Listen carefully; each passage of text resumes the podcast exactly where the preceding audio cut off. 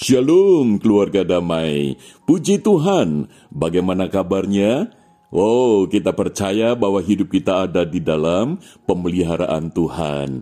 Keluarga damai, kita berjumpa kembali di dalam Renungan Samas Selasa 18 Juli 2023. Mari kita menyiapkan hati, kita masuk di dalam doa. Bapa Surgawi, sebentar kami hendak merenungkan firman-Mu. Kiranya Roh Kudus menolong setiap kami, sehingga kami bukan hanya cakap merenungkan firman-Mu, tetapi kami juga boleh cakap melakukan akan firman-Mu. Di dalam nama Tuhan Yesus kami berdoa. Amin. Keluarga damai, tema yang akan kita renungkan bersama adalah Bolehkah selibat? Firman Tuhan terambil di dalam 1 Korintus pasal yang ke-7 ayat yang ke-37. Demikian. Tetapi kalau ada seorang yang tidak dipaksa untuk berbuat demikian, benar-benar yakin dalam hatinya dan benar-benar menguasai kemauannya, telah mengambil keputusan untuk tidak kawin dengan gadisnya, ia berbuat baik. Demikian firman Tuhan. Keluarga damai, istilah selibat itu berasal dari bahasa Latin, yaitu sailibatus. Artinya, satu keadaan tidak menikah secara sukarela, berpantang secara seksual, atau kedua-duanya. Nah, biasanya hidup selibat ini terkait dengan agama. Artinya hidupnya ketika tidak menikah itu dikhususkan untuk melayani. Nah, Rasul Paulus menasihatkan bahwa konsep tidak menikah ini sebagai satu tindakan di mana seseorang yang terpanggil secara khusus yang sudah menggumuli di dalam berbagai macam pertimbangan dan juga berjalannya waktu lalu mengambil langkah untuk tidak menikah atau selibat maka Rasul Paulus itu sesuatu yang baik karena memang dikhususkan untuk melayani Tuhan. Maka itu di dalam ayatnya yang ke-35 Rasul Paulus memberikan nasihat.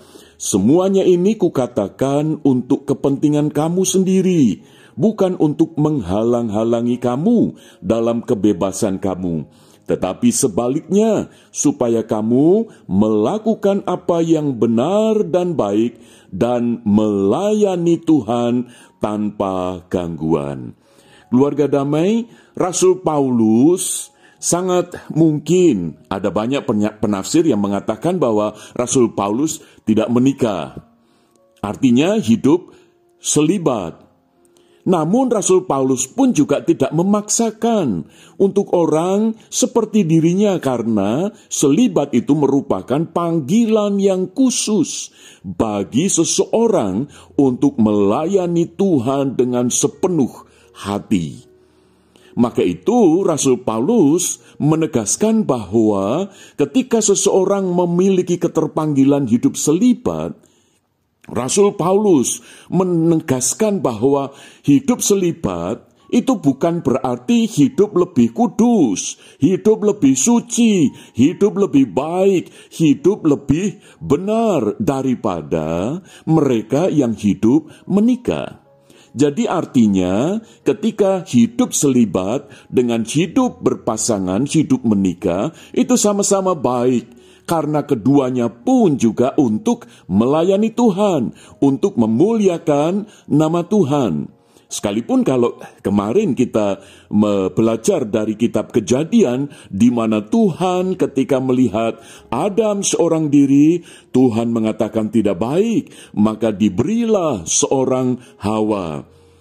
Memang itu masih di awal kehidupan secara manusia yang harus beranak cucu, berpasangan.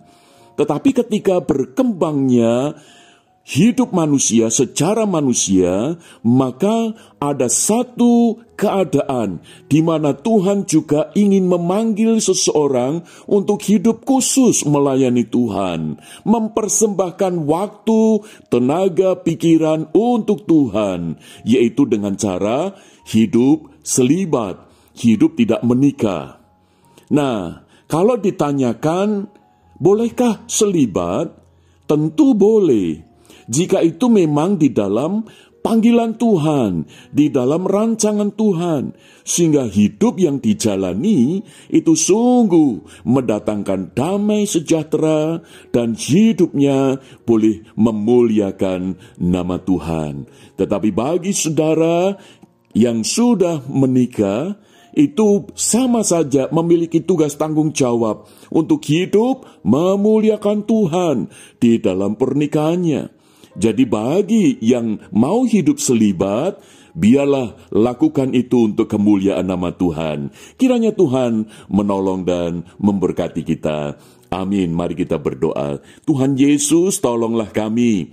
Kiranya Firman-Mu ini menguatkan iman kami. Jikalau memang Tuhan memanggil kami untuk hidup selibat, biarlah hidup kami, kami persembahkan untuk kemuliaan namamu. Di dalam nama Tuhan Yesus kami berdoa. Amin. Keluarga damai, Tuhan Yesus memberkati.